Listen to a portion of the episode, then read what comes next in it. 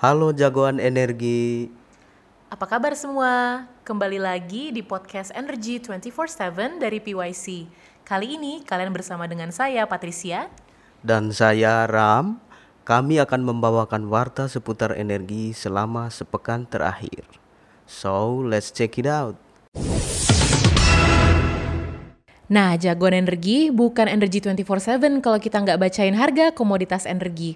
Seperti biasa, kita mulai dari harga minyak, ada Indonesian Crude Price atau ICP yang di bulan Januari ini masih mengikuti harga di bulan Desember, yaitu sebesar 76,66 US dollar per barrel. Sementara untuk harga minyak internasional, ada West Texas Intermediate atau WTI berada di kisaran harga 78,58 US dollar per barrel dan ada harga minyak Brent yang berada di kisaran harga 84,02 US dollar per barrel.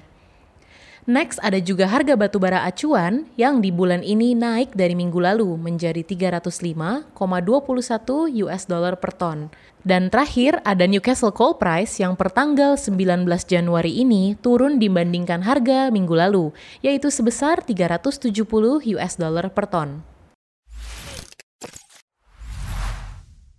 Oke, jagoan energi kita lanjut ke informasi selanjutnya dari sektor minyak dan gas. Investasi naik, lifting migas turun. Berita diliput dari kompas.id. Realisasi produksi siap jual atau lifting minyak bumi dan salur gas sepanjang 2022 gagal memenuhi target. Bahkan lebih rendah dari capaian tahun sebelumnya. Situasi ini terjadi di tengah peningkatan investasi hulu migas di dalam negeri. Deputi Eksploitasi SKK Migas, Wahyu Wibowo mengatakan pada pertengahan 2021 atau saat menentukan target APBN 2022, produksi pada awal 2022 diperkirakan 660 ribu barel per hari, namun prediksi meleset karena hanya 612 ribu per hari, sehingga dari sisi run rate sudah defisit sejak awal tahun.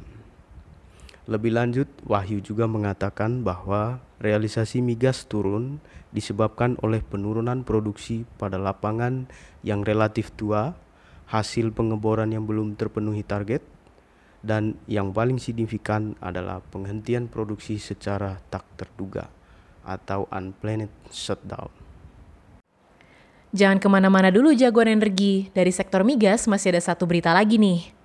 Sudah sah, BPH Migas tetapkan kuota Pertalite 32,56 juta kiloliter di tahun 2023.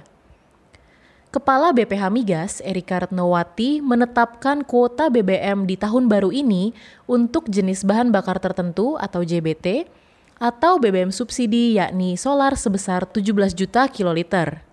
Selain itu, ada juga kuota jenis bahan bakar khusus penugasan atau JBKP atau Pertalite RON 90 sebesar 32,56 juta kiloliter. Erika menyebut kuota BBM Pertalite pada tahun ini naik naik 2,6 juta kiloliter dibandingkan tahun lalu. Karena tren konsumsi masyarakat yang semakin mendekati konsumsi normal pasca pandemi ini. Erika turut menjelaskan, Tujuan dari ditetapkannya kuota untuk BBM tersebut adalah agar BBM solar subsidi dan Pertalite dapat didistribusikan dengan tepat sasaran. Selain perbaikan regulasi melalui revisi Perpres nomor 191 tahun 2014, menurutnya pengendalian penyaluran BBM juga akan ditingkatkan dengan pemanfaatan teknologi informasi.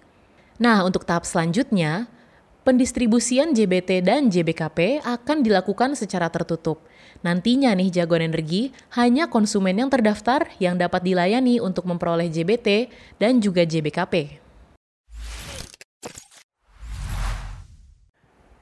Oke, Patricia dan jagoan energi, kita lanjut ke sektor berikutnya, mineral dan batu bara. Ada informasi yang menyenangkan. Sejarah ekspor batu bara RI ke Uni Eropa melonjak 1300 persen Berita diambil dari cnbcindonesia.com. Volume nilai dan ekspor batu bara Indonesia ke kawasan Uni Eropa melesat pada tahun 2022.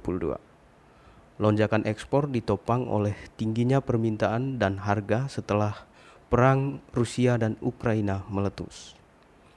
Badan Pusat Statistik melaporkan volume ekspor batubara Indonesia ke Uni Eropa menyentuh 5,85 juta ton pada Januari sampai Desember 2022.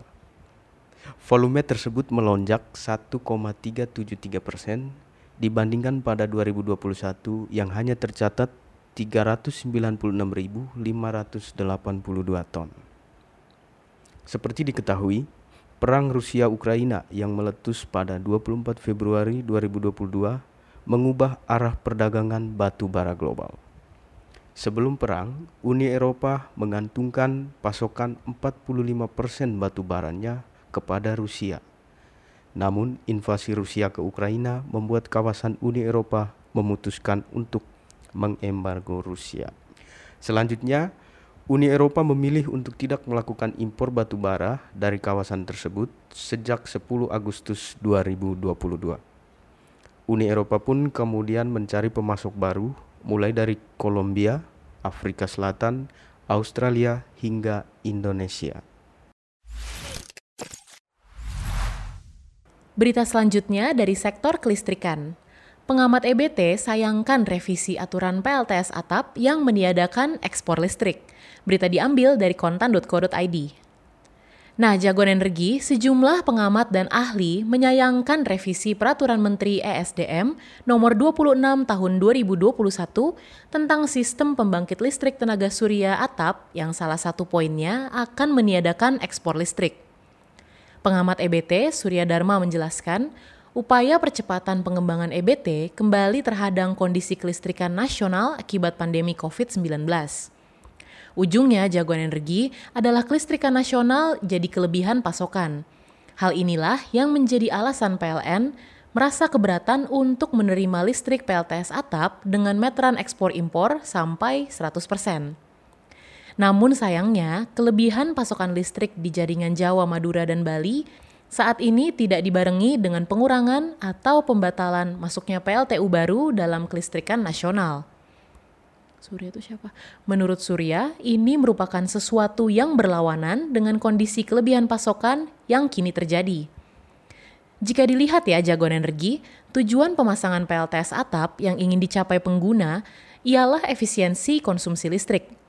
Namun, dengan perubahan kebijakan tersebut, efisiensi yang diharapkan tidak akan bisa dipenuhi dan akan mempengaruhi jangka waktu pengembalian investasi pemasangan PLTS atap.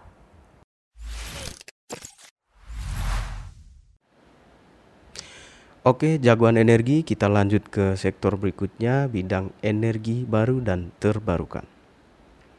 Program B35 bisa mengangkat harga CPO tapi cuma jangka pendek.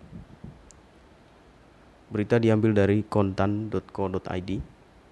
Harga crude palm oil CPO alias minyak sawit mentah masih belum kembali ke level akhir tahun 2022 lalu. Sejumlah kebijakan seperti penerapan penggunaan biodiesel B35 mulai 1 Februari 2023 diprediksi bakal membantu mengangkat harga CPO.